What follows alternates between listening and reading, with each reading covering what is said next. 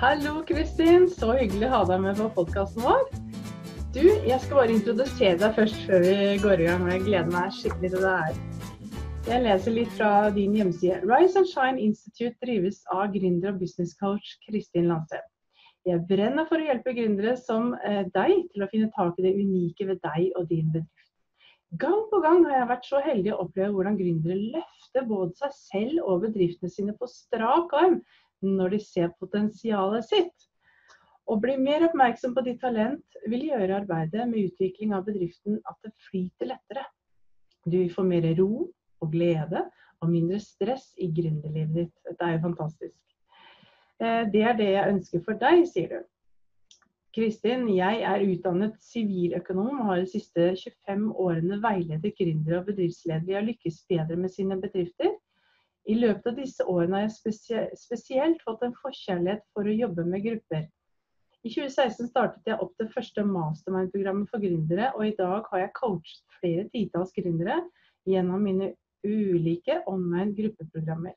Jeg vet at den støtten og synergieffekten som oppstår i trygge gründergrupper, vil gjøre også ditt businessliv til en lek. Så fantastisk. Velkommen, Kristin. Og tusen hjertelig takk, Monica, for at jeg får lov til å være med hos deg. Det var veldig, veldig hyggelig. Ja, Kjempekoselig at du, du ville ta deg tid til det. Og du har jo så mye på hjertet og så mye på gang, så jeg gleder meg til å stupe inn i det her i dag. Jeg fortalte jo litt, litt om deg sjøl nå men kan ikke du fortelle litt mer om deg sjøl og hva du gjør nå? Altså, jeg og du, Monica, vi fant ut at vi har et felles engasjement for gründere. Ja. Og for at gründerhverdagen til folk ute der skal bli eh, mer lystbetont og lettere. Ja. Mm. Vi har jo gått veien begge to, så vi har litt å bidra med der, altså, Kristin. Virkelig. Mm. Og så snakka vi litt om, før vi starta denne sendinga, eh. Så snakka vi også litt om vårt eh, felles engasjement i forhold til det med at folk skal få en sunn økonomi i bedriften sin og sånne ting. Vi er jo økonomer begge to og kan mye om, om det å ha orden på tallene og vet betydningen av det. Og akkurat nå i disse dager, da, når, når næringslivet, store deler av næringslivet har vært i eh, krevende situasjon, og mange har vært i en veldig krevende situasjon og mye endringer på gang, mm. så er jo det en del av fagfeltet vårt veldig viktig i forhold til å ha litt orden på systakken, skulle jeg si da. Med likviditetsstyring og sånne ting. Det blir kjempeviktig. Men egentlig så var ikke det vi hadde tenkt å snakke om i dag. Nei, da var det litt annet tema. Men det er motsatt side av samme sak. Økonomistyring og salg. ikke sant? Salg Eh, altså du har jo Økonomi har du ikke godt salg, og der har du jo en del å bidra med akkurat nå. Så mm. det er det jeg tenkte at vi kunne snakke ikke om økonomistyring i dag, men heller om hvordan vi kan øke salget. Og, og du har noe på gang akkurat når det gjelder dette her, vet jeg. Fordi at når jeg starta min egen bedrift da, for sju år siden, så var jeg også førstegangskunde. Jeg riktignok jobba med greia mi med å hjelpe gründere i veldig veldig mange år. Nå nærmer seg faktisk snart 30 år. Men men da, når jeg startet sjøl, så kjente jeg litt på det at nå skal jeg erfare dette sjøl. Nå må jeg liksom ha skoen på, fordi at jeg ønsker å bli en bedre, enda bedre veileder for målgruppa mi som var gründere. Så ville jeg bli gründer sjøl. Um, og da hadde jeg meg hadde jeg en ganske bratt læringskurve og flere ganske store aha-opplevelser på akkurat det her med salg. Jeg var vel ikke helt klar over det, men jeg hadde en litt gammeldags eh, oppfatning av hva salg var. Mm. Uh, og jeg tipper at mange, du og Monica, vil kjenne deg igjen. når Vi har jo alle opplevd det her selgerne som tar kontakt med oss og skal prøve å selge oss noen ting som kanskje ikke er helt mottagelig for, kanskje ikke har lyst på i det hele tatt, ikke behov for, osv. Og så gir de seg ikke. De står på, og de bruker overtalelsesteknikker. Og de bruker litt sånn slu strategi. ja. Og, så min erfaring med salg var jo fra kundesida. ikke sant? Ja. Og så kjente jeg litt på det når jeg skulle starte min egen bedrift, at akkurat det der hadde jeg et skikkelig ambivalent forhold til. Så jeg begynte veldig tidlig å lete etter andre måter å tenke på og jobbe på. Og jeg tipper mange som sitter og ser på og hører på oss nå, kanskje tenker at ja, det gjelder meg òg. Jeg har hatt den opplevelsen av selgere å bli solgt til. Det gjelder jo de fleste av oss, ikke sant. Og sånn har ikke jeg lyst til å gjøre det i min bedrift. Nei, Og jeg tipper at det er mange som hører på, som har lært masse tallteknikker og masse verktøy for hvordan du skal lande salget. Og det er mye fint i de her typer teknikker. Det handler jo om å bare litt bevisst hva skjer hos målgruppa vår. så Hva skjer hos den potensielle kunden når at vi er da ute og skal prøve å selge. Um, det jeg oppdaga da, det var at salg egentlig er superenkelt. Ja. Og jeg oppdaga at mange av de tingene jeg gjorde som jeg ikke engang hadde tenkt på, eh, førte til et salg, førte til et salg. Ja. Fordi at veldig mange av oss da, vi har jo et stort engasjement for det vi holder på med. Gründere er generelt veldig supergode på greia si. Det en Ja. brenner for, produktet sitt, konseptet, det glade budskap om litt etter hva du driver på med. Vi er kjempegode på det. Det er jo grunnen til at vi har starta en bedrift. Det er fordi at vi er faktisk skikkelig gode på noen ting. Og vi har Mm. brent for noe. Vi har kanskje sett noen nye løsninger og muligheter som ikke finnes ute i markedet i bransjen vår fra før. Og som vi ønsker å by på ute i verden og gjøre en forskjell for folk. Det er det business handler om. Nemlig. Så forskjellen mellom den gamle holdningen din og den nye, hva, hva skjedde der? Hva, hva, var som, eh, hva var som gjorde at du fikk en aha-opplevelse? Jeg tenkte at nå må jeg lære meg salg. altså, alle skjønner jo salg er hele fundamentet i business. Hvis du ikke selger noen ting, så har du hallo, ingen bedrift, ingen økonomi. ikke sant? Så, så, så det, det skjønte jo jeg, og det skjønner jo alle. Mm. Um, så jeg tenkte at nå skal jeg lære meg salg, men når jeg kjekk litt rundt uh, på det som fantes, så var det veldig lite salgstrening. Altså det appellerte så veldig til meg. Men så fant jeg en um, mentor som var opptatt av å være autentisk i salg. Ja. Altså være deg sjøl i salg. Som var opptatt av at det salg handla om å være til service. Eh, Og som var opptatt av det her å skape å gi verdi og skape noe for kunden. Ja. Fokus. Ja. Og herre er heller ikke så veldig uvanlig. Det er mange som lærer bort det i dag. Um, men vi tok det helt ut. Uh, og det første som skjedde hos meg, det var at jeg fikk tilbakemelding på ja, men herre kan du, Kristin. Du er jo en god salger. Og jeg ha-ha-ha, det er jeg ikke! Fordi at jeg hadde feil og gammeldagse forestillinger om hva en selger var. For det var det jeg hadde opplevd ofte som kunde. Mm. Så jeg tenkte å på en måte fornye mine egne tanker og holdninger rundt det her med salg. Ja, for det er jo ofte det at du begynner med deg selv, fordi det er ofte din egen bagasje og dine egne holdninger som, som gjør hvordan selger du blir. Men hvis du tenker å flytte fokuset eh, eh, Jeg holdt på å si elsker kunden din, da, elsker å komme med en løsning for kunden. Da flytter du fokuset fra deg, og du tenker bare på hva du kan hjelpe kunden med. ikke sant? Da, har du jo, da blir jo salg gøy. Da blir det lett, for du tenker bare på å hjelpe, ikke prakke på noen. For da har du et helt annet ståsted, helt annen stemme, helt annen energi. Ikke sant? Veldig, veldig bra sagt, Monica. For akkurat det er det salg handler om. Mm. Så alle dere som ser på og hører på nå, kan bare senke skuldrene. Mm. Og så tenk det at det handler om å være til stede for målgruppa. Det handler om å være til stede for de folkene du skal selge noen ting til. Det handler om å gjøre en forskjell for dem.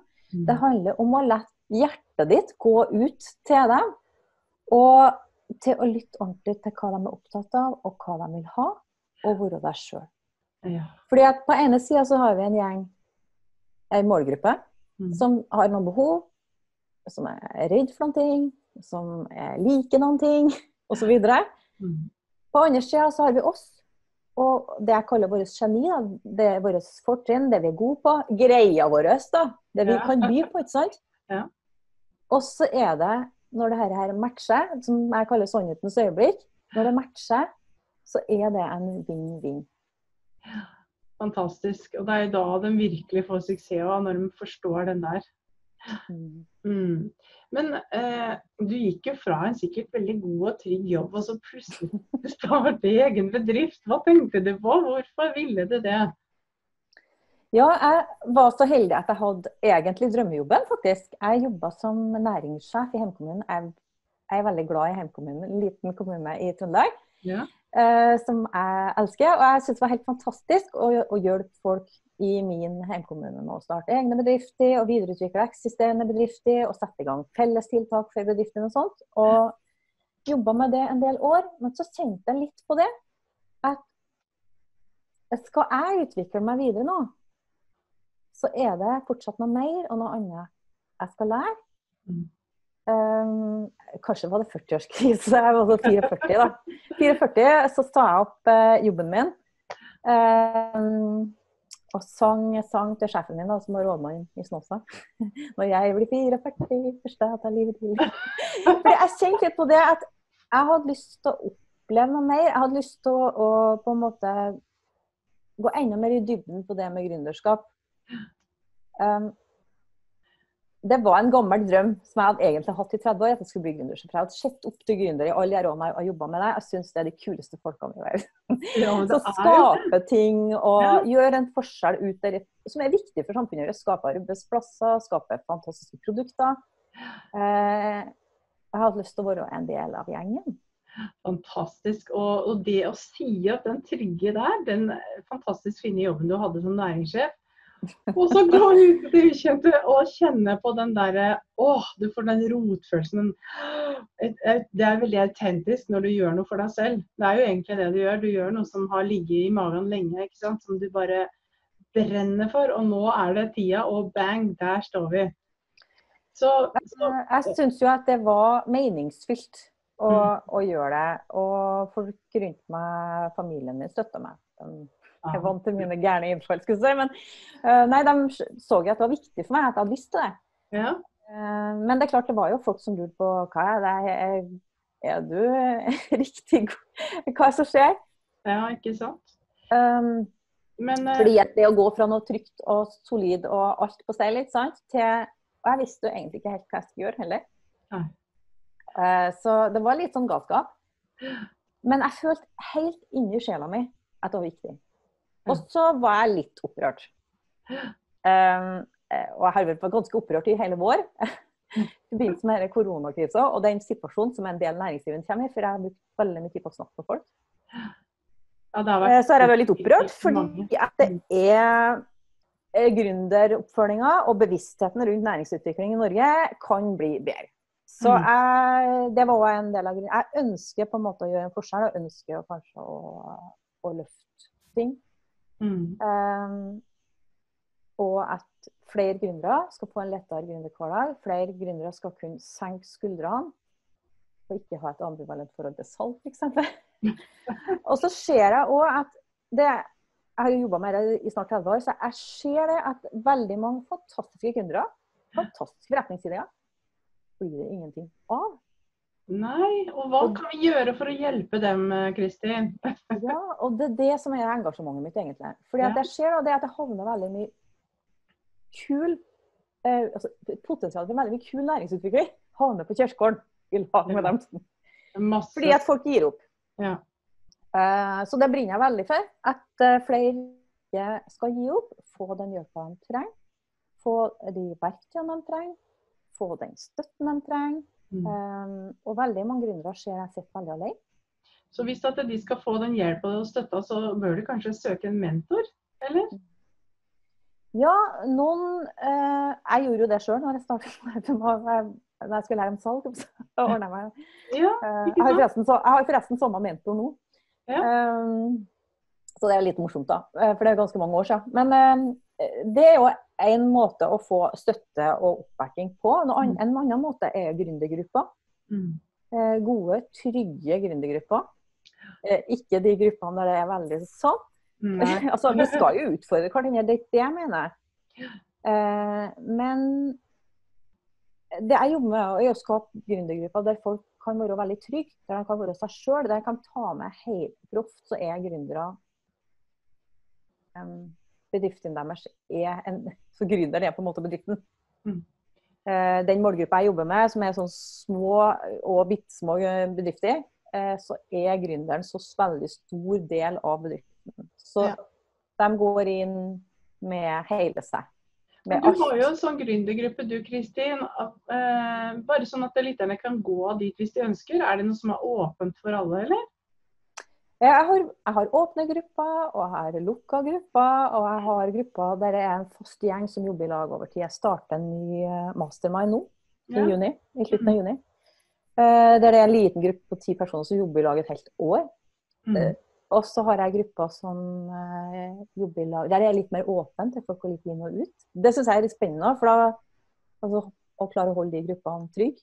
Da vil jeg gjerne at du, at du kan gi meg linken til den åpne Facebook-gruppa di, sånn at, mm. at, vi kan sende eventuelle gründere dit. Hvis de ønsker å gå dit etter sending, så, mm. så skal de få linken under det her sånn etterpå. Det skal, det skal vi ordne. ja. Så bra.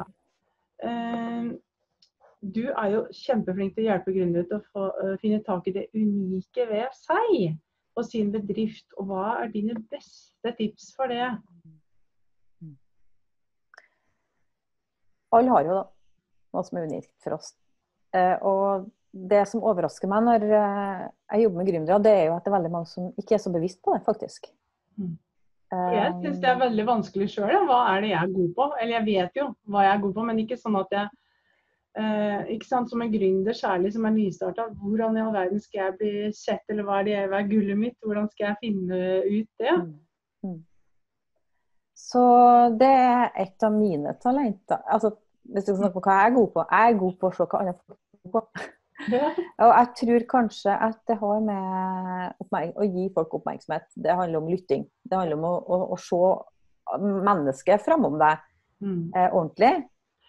Um, og alle evner ikke å, å, lytte til seg sjøl så godt. Så det å bli gründer, det er, blir mye enklere hvis du klarer å lytte godt til deg sjøl.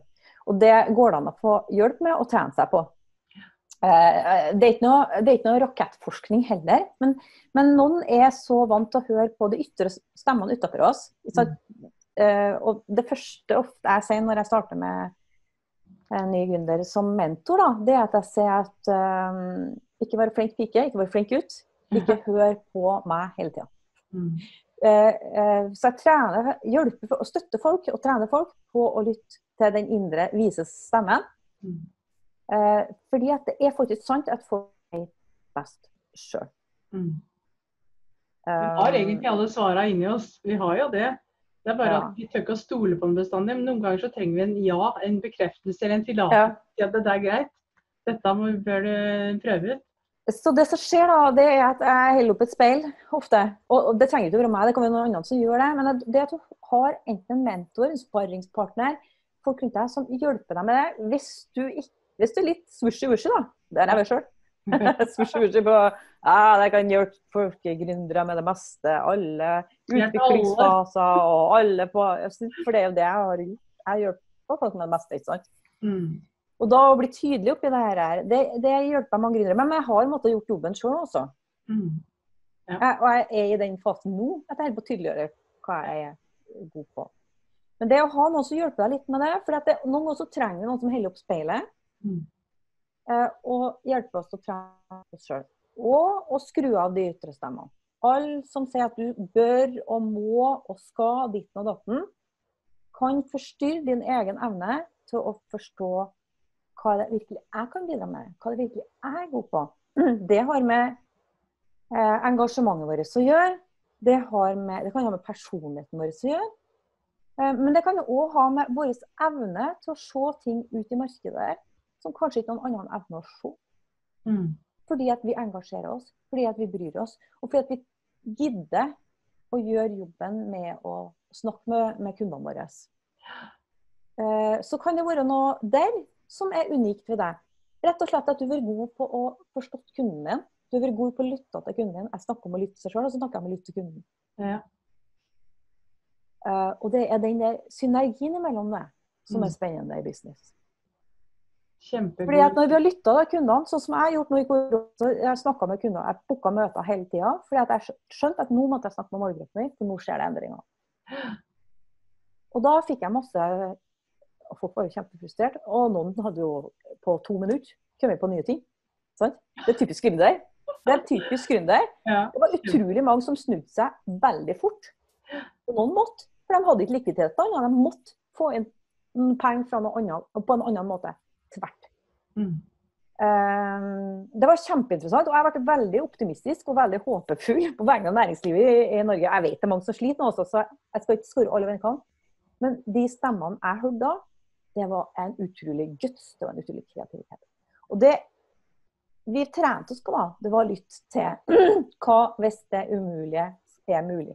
Sant? Mm. Hva hvis vi skal snu på flisa, hva hvis vi skal gjøre ting helt annerledes. Så lytter vi, og så ser vi nye muligheter og løsninger. For det er vi menneskene kjempegode på. Vi har egen evne til å stå opp imot ting vi ikke ante vi kunne stå opp imot. Ja. Det har denne perioden vært en trening for veldig mange næringsdrivende på, andre folk også for den del. Um, så det jeg så, da, det var at det å komme i en sånn situasjon gjorde at folk ble utrolig kreative. Og at det skjedde innovasjon. Ja, Norge og Ja. samfunnet vårt er så avhengig av. Ja. Det skjedde innovasjon. De uh, catcha sine markeder. De catcha sine bransjer, og de gjorde de endringene som skulle til for å matche i forhold til det de kan levere, det de kan stå for. Noen begynte med litt andre ting. Nå, veldig mange gikk online. Ja. Eh, altså, en- For uh, gjengen, hvis det er noen her som driver nettbasert, det er det helt sikkert, ja. eller har tenkt å gjøre det, så er det en renessanse på online nå fordi at veldig mange får trene seg på å bruke de her verktøyene som de tenker kanskje at de aldri noen gang trengte å være i businessen sin. Sant? Ikke sant. Og da, den nye teknologien, å ta i bruk det, det er jo sikkert skremmende for mange. Men når du ser nødvendigheten, at du bare må, ellers så får du det ikke til det du skal. Og så finner du løsninger, ikke sant. Så kontakter du folk, og så lærer du det. Så Apropos det å stå opp imot utfordringer, da, skal jeg fortelle en liten hemmelighet. Ja. Jeg Kjenner meg det. Men eh, eh, når jeg starta businessen min, så bestemte jeg for at jeg skulle starte online business, fordi at jeg bor i en liten kommune med 2000 innbyggere. Markedsgrunnlaget er litt begrensa sånn helt nært. mm, Um, så jeg tenkte at det er løsningen. Uh, det var i 2012-2013. Ja. Da var vi tidlig ute, egentlig. Ganske tidlig Ja. ut. Ja. Uh, og så var det bare en par problemer. Det ene var jo at jeg måtte ha litt fornying av salgs... Så det lærer jeg mye av, som jeg lærer bort til mine følgere og prøver å si litt om her og nå. Men så var jeg teknofob. ja. Og så hadde jeg for video. Altså, altså. Jeg likte ikke å bli tatt bilde av. av det, det er tre ting som gjelder hvis du skal drive en solid bedrift. Det ene er synlighet. Det andre er systemer. Og det tredje er stayerevne. Det siste jeg er god på. da. Jeg har veldig stort engasjement for det jeg med. Og, sant? Det har jeg masse energi på det. De to første ikke så bra utgangspunkt. Eh, Men Men hva gjorde du for å overkomme det, da? ja, det kan du si. Yeah. Litt blood, sweat and tears. Yeah. Så de første videoene jeg laga, da hadde jeg både vondt i magen og jeg hadde hodepine. Og jeg var fysisk eh, dårlig av å skulle Altså, det var jo ingen som så det. Jeg kunne bare slette. Det var jo ikke noe Altså, jeg drev jo og øvde, da. Du dør jo ikke. Nei, jeg døde jo ikke! Du døde ikke. Det Jeg også synes det er men jeg gjorde grusomt å begynne.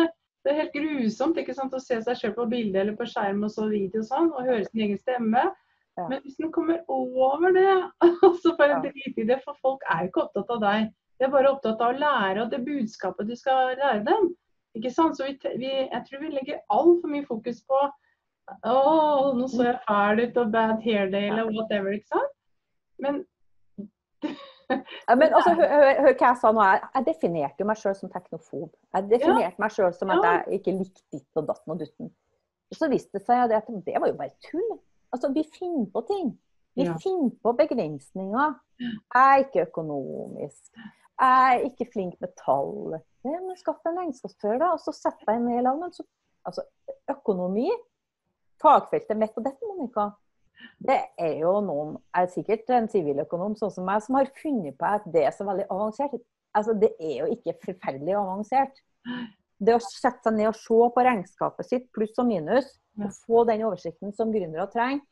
De fleste bedriftene, i hvert fall i bedriftene jeg jobber med som ikke er så kjempe, så er ikke det veldig vanskelig. Mens gründerne tror det er vanskelig. ja, du tror det. Du lager hindringer og hører på den styggen på ryggen, ikke sant? Og jeg trodde et salg var vanskelig, eller jeg trodde et salg var noe som jeg egentlig ikke hadde lyst til å holde med. Fordi at jeg hadde tenkt på at det var den gammeldagse salget. At det finnes jo fortsatt, da. Jeg sa det noen som prøver å ringe meg, altså. jeg skal selge meg ting jeg ikke skal ha. Jeg vet ikke hva jeg vet med, men ja, bortkasta energi, spør du meg. Mange som er de den slu strategigreia og ikke har skjønt at det handler om å gi verdi. Det handler om å være ekte og ærlig og finne den fantastiske kundematchen. Så blir det gøy å drive disse. så er gøy å drive med salg. Ja. Det handler om å gi verdi til folk der. Yes, nemlig.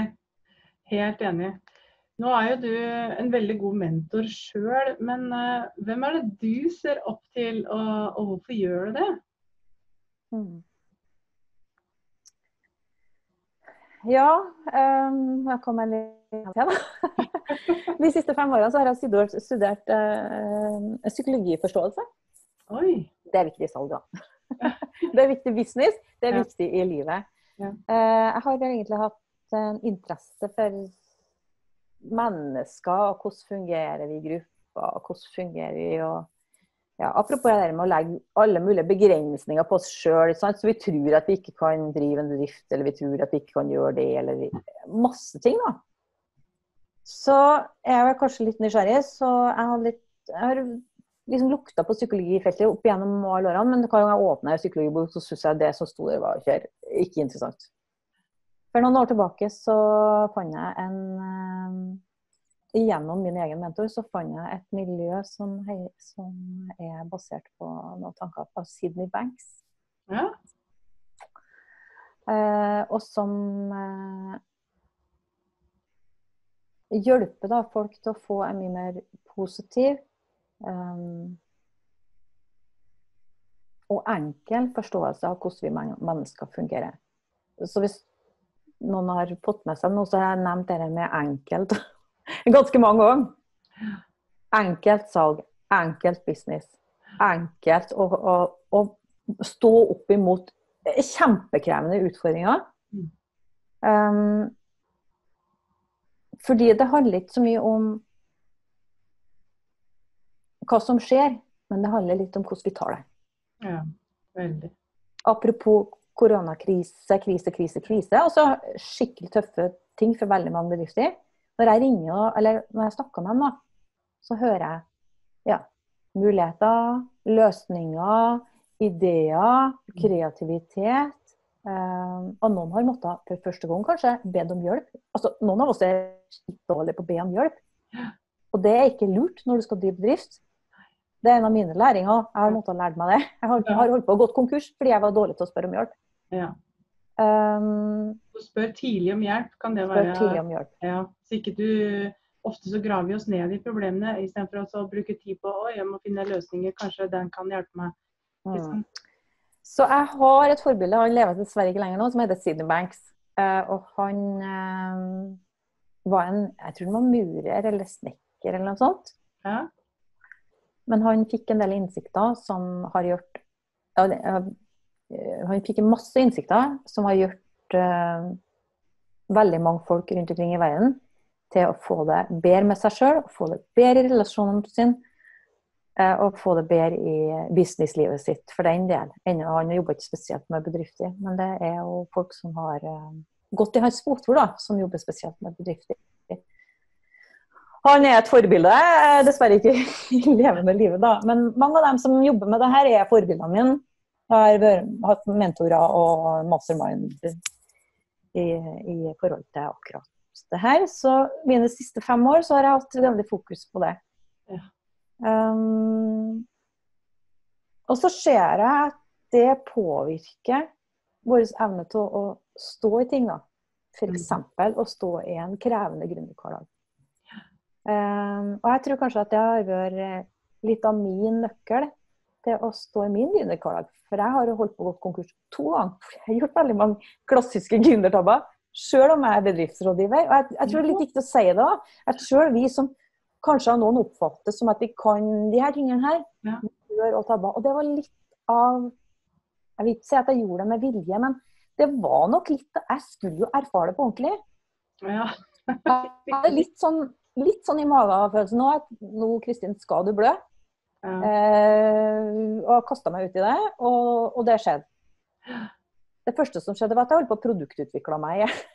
Det er noen som har gjort det? Yes. Lage det perfekte produktet. Det er Ja. ingen, hallo, det er ingen som vil ha det perfekte produktet. Jeg vil ha gründere, altså, da. Eller Been there, done that. Du har gjort det! ja! Oh my god, altså. Uendelig med tid på det, ikke sant? Og det er jo typisk at man skal ha det så perfekt før man begynner å selge. Istedenfor å begynne i det små og selge litt og litt, eller teste og så, og så lager vi det ordentlig når vi vet at det er Ja. masse der. Ja. Jeg lurer på meg og du, Monica, er litt lik. Altså, jeg, jeg, det, det er noe som Vi skal gjøre ting ordentlig. ja. Det, det er jo ikke noe galt i det. Nei da. Men hvis du ikke har sjekka ut hva er det nå egentlig markedet trenger og vil ha Ja. Jeg hadde noen oppfatning av hva Jeg trodde jeg visste, vet du. Sant? Og det lærte jeg mye om. Det vet, det vet du ikke.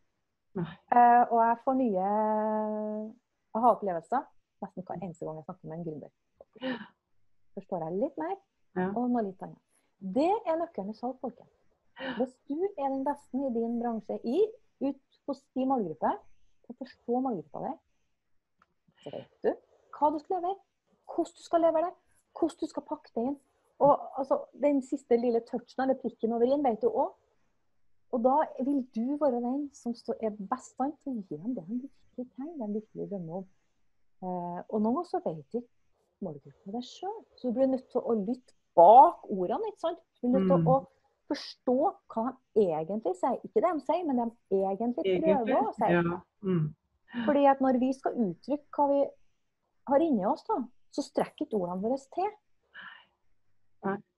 Eh, og her, her har jo den psykologiforståelsen som heter De tre prinsippene, er egentlig ganske enkle ting, og Sydney Banks hjelper meg masse med. Og det brenner jeg veldig for å ta inn i business Mm. og støtte folk på videre, da.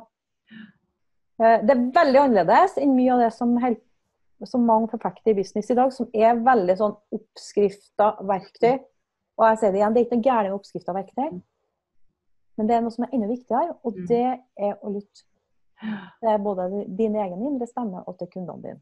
Eller målgruppa di, da. De som skal bli kundene dine. Hvis du ikke gjør det, så hjelper ikke oppskriftene og verktøyene. Er. Nei. faktisk. Mm. Men ofte så er det sånn kunnskapens forbannelse jeg har lagt merke til. For Ja.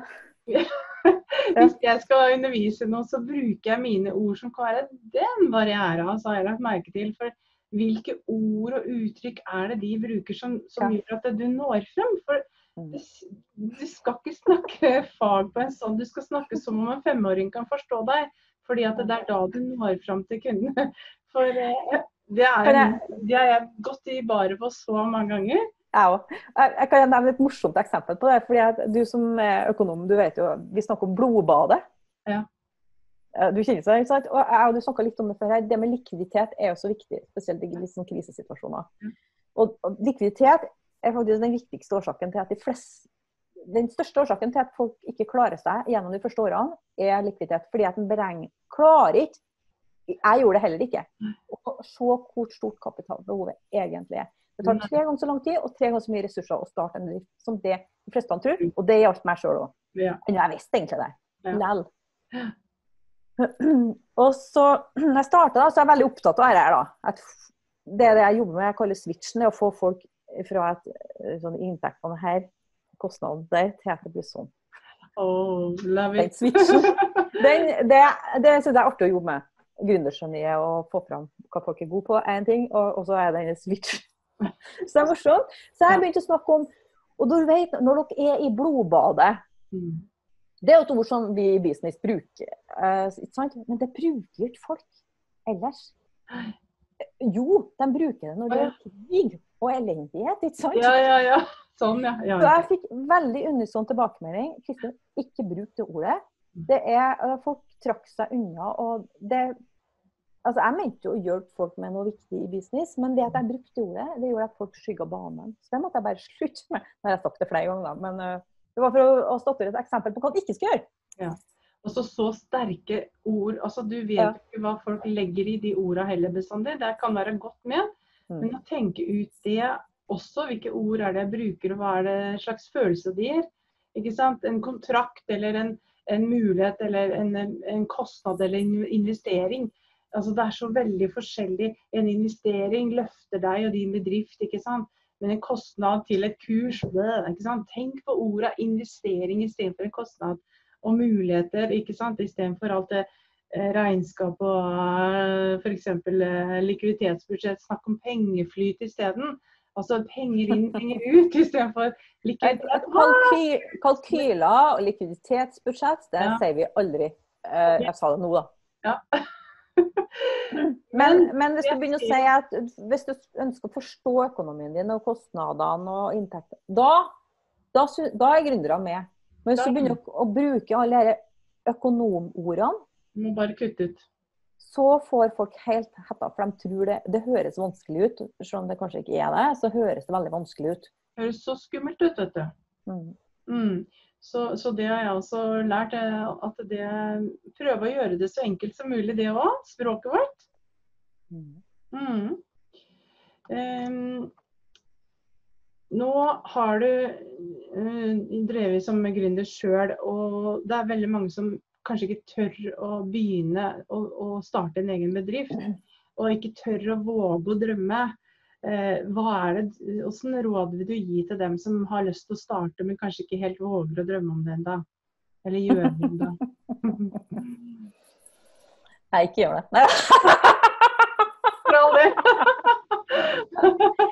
hvis, eh, hvis du vil ha et altså, Det er kanskje det vi har lært de siste månedene. da, Livet er jo ikke forutsigbart. Ja. Altså, shit happens. um, for veldig mange gründere handler det om at det er noen ikke kan lette være å gjøre. Ikke sant? Det, det, er noe, det, det, er et engasjement som er så stort. Det er noen løsninger og ideer og sett som en kjenner, som en brenner for å, å, ta ut i verden. For noen handler om det.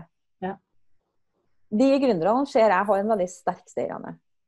Eh, mm. Hvis det butter imot, hvis du møter motgang, så håndterer du motgangen. Mm. Eh, du finner løsninger. Um, de gründerne som tenker at dette skal være en sånn kjapp vei til masse penger mm. altså, Det er folk som Det skjer med noen. Mm. Men for de fleste så handler business om å bygge stein på stein på stein over tid. Mm. Og få til resultater på sikt. Du mm. skal komme i inngrep med et marked som hvis du ikke har drevet business før, kanskje ikke kjenner deg i det hele tatt. Du, du, skal ta folk gjennom en bli kjent-prosess, der at de får tillit til deg, bygge tillit, bygge tillit, og så kjøper de. Mm. Og Derfor er det at switchen tar litt, eh, tar litt tid. Så det mm. brenner jeg for, at folk skal forstå at det faktisk er en prosess som tar litt tid. For det er folk, En del gjør da som ikke vet bedre. Det er at de gir opp der i starten. Ja. Fordi at de fikk ikke salg med en gang. Det ble ikke eh, to millioner eller milliarder eller Alt etter hvilke forventninger han har, mm. på no time. Uh, og drevne gründere vet jo det her. Mm. De, har jo, de har jo erfart det her. Men en del førstegangsgründere tror at det skal gå sånn. Og en del bedriftsrådgivere altså til bransjen min. Hallo, mm. hva lærer bort? Tre steg til altså Litt sånn quick fix-fokus mm. fra min bransje hjelper ikke. Nei. Um, og, men hvis du har lyst da, til å realisere noe du brenner for, til å skape en endring i verden, til å skape en endring i ditt lokalsamfunn eller i ditt marked, mm. med det du har sett og det du har forstått, så skal du gjøre det. Mm. Men hvis du tenker at du skal bli rik på no time, så er jeg litt usikker. og jeg er litt usikker. Hvis det kommer sånn til meg, så det gjør det faktisk ganske sjelden. Jeg har et litt annen type kunder. Hvis det mm. kommer sånn quick fix-gjengen til meg, mm. så er jeg litt usikker på om jeg skal jobbe med dem. Da må jeg høre litt mer. Hvor mm. er engasjementet her? For jeg vet at det kommer eh, nedturer. Jeg vet at det kommer dårlig på veien. Hvis de skaffer seg en mentor og ei gründergruppe, støttende gründergruppe, så hjelper det selvfølgelig. Men likevel så kommer Og det er da vi lærer. Mm. Det er da vi lærer. Det er når jeg produktutvikla meg nesten i hjel. Nesten, ikke sant? Ja. Jeg lærte før jeg gikk opp. Jeg gikk ikke konkurs. Jeg lærte før jeg mm. endra på ting. Mm. Jeg justerte meg. Jeg lytta bedre til kundene, ikke sant. Blant annet beste lærdommen er å gjøre det om på det som ikke funker. Bare stanse helt opp ikke sant? og si at hva funker og hvorfor, eller hvorfor funker det ikke. Og så, og så, gjøre om på det. Og det er en veldig god egenskap. For det er ikke alle som er så fleksible at de klarer å gjøre om på det mønsteret de har i hodet. ikke sant? Mm. Er, Erfaringa mi er at gründere er ekstremt fleksible. Ja, enormt fleksible. Ja, for du må, ikke sant? Vi Hvis ikke så dør bedriften din, og det, det skjer jo med noen, og da er de ikke gründere lenger. ikke sant? Ja. Eh, Men de som ønsker det her med å tjene veldig mye penger på veldig mye kort tid, når de møter motstand eh, Når ikke de pengene kommer inn så fort, da, hvis de kanskje har lært av noen eller av en eller annen grunn hadde den, de forventningene der som ikke innfris, så gir de opp. Ideen kan være god. Mm. Gründeren kan være kjempedyktig. Mm. Og, og noen kan ha flaks og klare det. ikke sant? Mm. Jeg sier flaks, da. Det handler jo selvfølgelig ikke bare om flaks. Mm. Men de fleste må bygge stein for stein. Det tar tid, og må ha den motivasjonen som. Men premien, da? Det er godt råd synes jeg, Kristin, også at, du har- den riktige motivasjonen, den indre eh, jeg håper å si, visjonen eller eh, misjonen, eller om ja, hvorfor du vis, Hvorfor? Ditt sterke hvorfor. For da er det ikke så lett å gi opp, for jeg vet jo hvorfor jeg skal gjøre denne bedriften her. ikke sant? Ikke bare tenke penger og, og det er jo ikke det Og har du et ekte, oppriktig hvorfor, Ja. det har mange, Mm. så er det et kjempekonkurransefortrinn. Da skal du ikke holde hemmelig. Jeg, Mm. jeg snakker om hvorfor jeg bryr meg om gründere, hvorfor jeg syns det er givende å holde på med. Jeg snakker om det. Ja. Det er et konkurransefortrinn å ha det engasjementet. Mm. Eh, Det tiltrekker det de riktige samarbeidspartnerne. Kanskje er det derfor jeg og du sitter og snakker her, ikke sant? Ja. Det tiltrekker de riktige kundene. Mm. Så ikke hold eh, hvorfor du gjør ting hemmelig. Ikke bli en bevart hemmelighet. ikke sant? At du sitter på ditt, eh, inne i kroken og holder på med ditt. Men at du, det er jo det det handler om å bli sett, for det er så mange om veien i dag. Så Det er jo ofte det som gjør at folk eh, er, ikke har så rask suksess. Det er at de er redde for å komme ut, redde for å gå på video, redde for teknologien eller redde for eh, hva skal alle andre si. Ikke sant? Det er det som er at eh, jo mindre redd du er for det, og, og jo kjappere er det for deg å komme ut. Ja, nei, det, kommer, det kommer jo en ny generasjon. Jeg ser det på ungene mine da, som er litt sånn i tenårene nå. Mm. Eh, I skolen i dag så trenes eh, de mye mer på det. Stå framfor en samling og presentere ting. Og de har et helt annet forhold til lage video og ja, til teknologien. Mm. Um, men um, 40 pluss, da. Jeg er over 50. Ja, ja. Eh, så er vi litt mer sånn Vi må, vi må bare vi må bare jobbe litt med det. Mm, ja. For å Vi er ikke inn Altså, det var jo ikke mobiltelefon gangen. når jeg så, så, så, Men det å gjøre Det å lære nye ting, Mm. det gjør at du føler jeg, hvert fall for min del, jeg føler meg levende. Ja. Eh, jeg har aldri en kjedelig dag på jobb. Ja. Jeg elsker nye ting. Jeg syns det er så moro. Vet du. Det er helt fantastisk. Men, Så hvis men du vil føle deg levende, så skal du bli Mm. gründer. Ja, ikke sant. Helst med noe du brenner ordentlig, med ordentlig for, for da kan det til og med bli business, ordentlig business av det. Ja. Eh, det er jo noen sånn gründerdrømmere, har du hørt det uttrykket? Nei. Så syns det er kult å være gründer, da, men jeg vet egentlig ikke helt hva Jeg var jo sånn. Jeg hadde jo lyst til å bli gründer fordi jeg så opp til gründere. ikke sant? Mm. Og så etter hvert så måtte jeg jo finne noe Nei da, jeg overdrev litt nå. Men eh, gründerdrømmere eh, syns det er kult å være gründer. Syns det er, jeg har lyst på friheten. Men så har de kanskje ikke oppriktig engasjementet for greia si. Mm. Nei, det er Og der ser det at da møter de fort litt mer motstand enn de vil ha. Eh, uh, du, uh, ja, du, du Kristin, du har jo ikke snakka så mye om salg ennå. Og jeg vil gjerne at du forteller litt om eh, akkurat hva for noe nytt du jobber med nå. Og så planene dine framover i løpet av sommeren.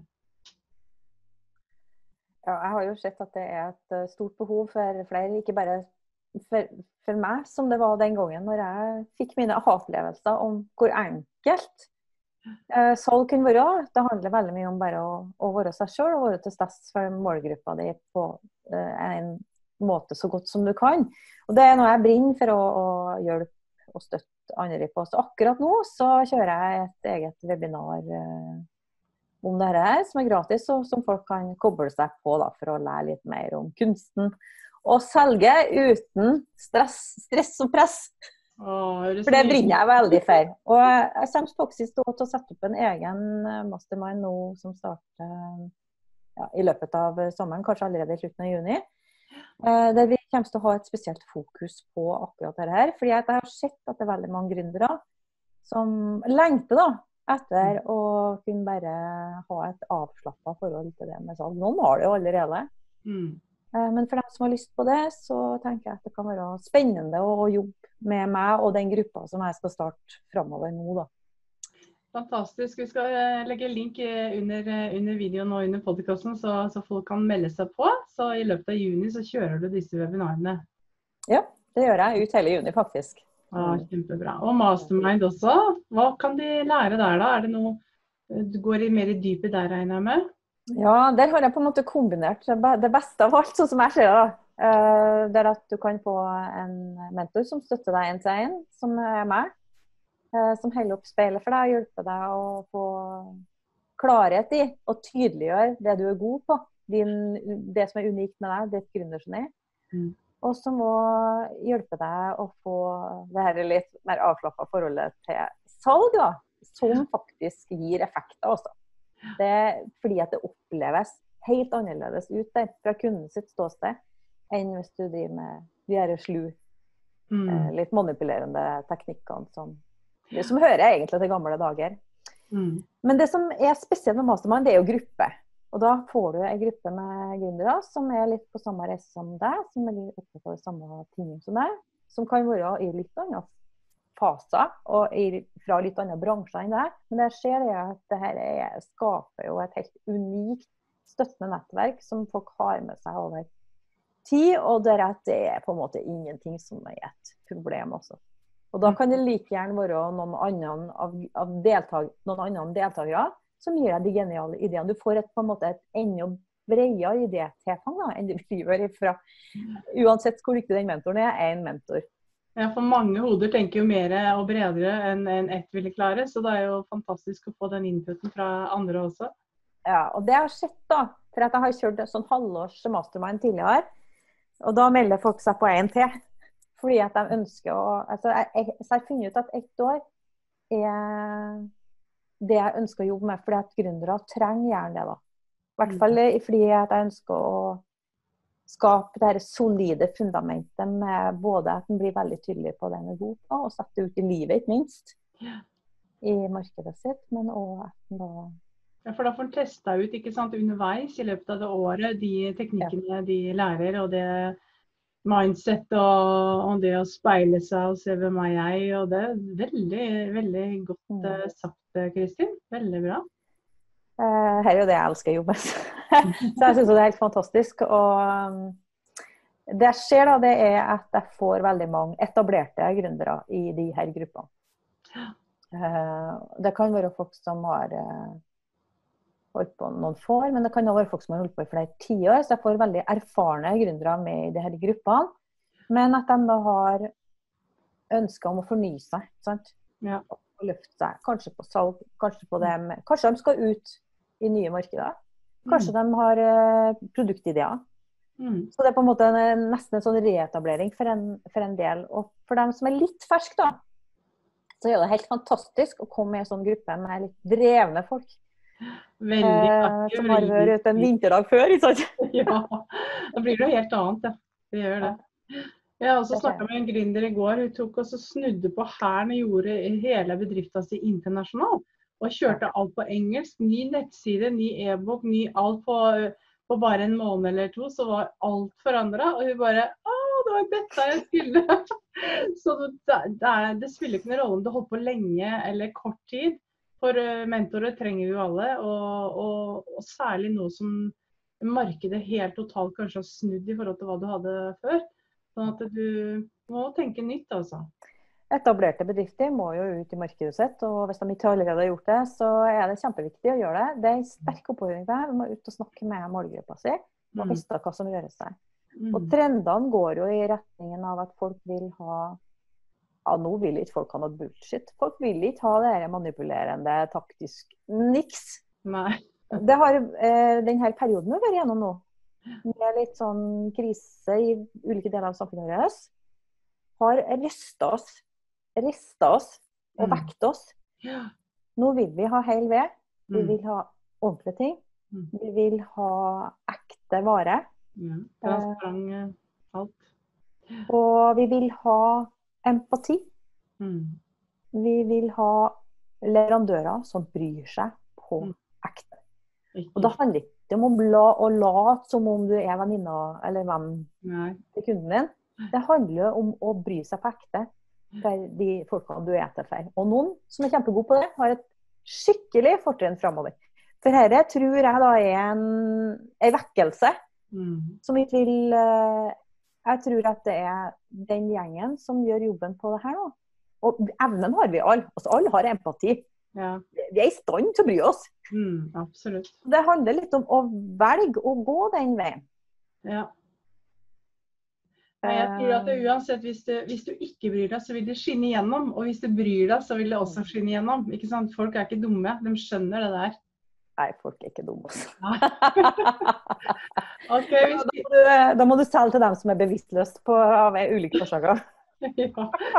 Kloke ord fra deg, Kristin. Tusen, tusen takk for en flott samtale. Masse kloke ord, masse erfaring å høste av. Og jeg ønsker deg masse lykke til med, med webinarene og masterminden din nå. Og så Tusen hjertelig snakkes takk. vi veldig snart igjen. Det gjør vi. Tusen Ja. takk, Monica. Ha det godt, folkens. Ha det godt.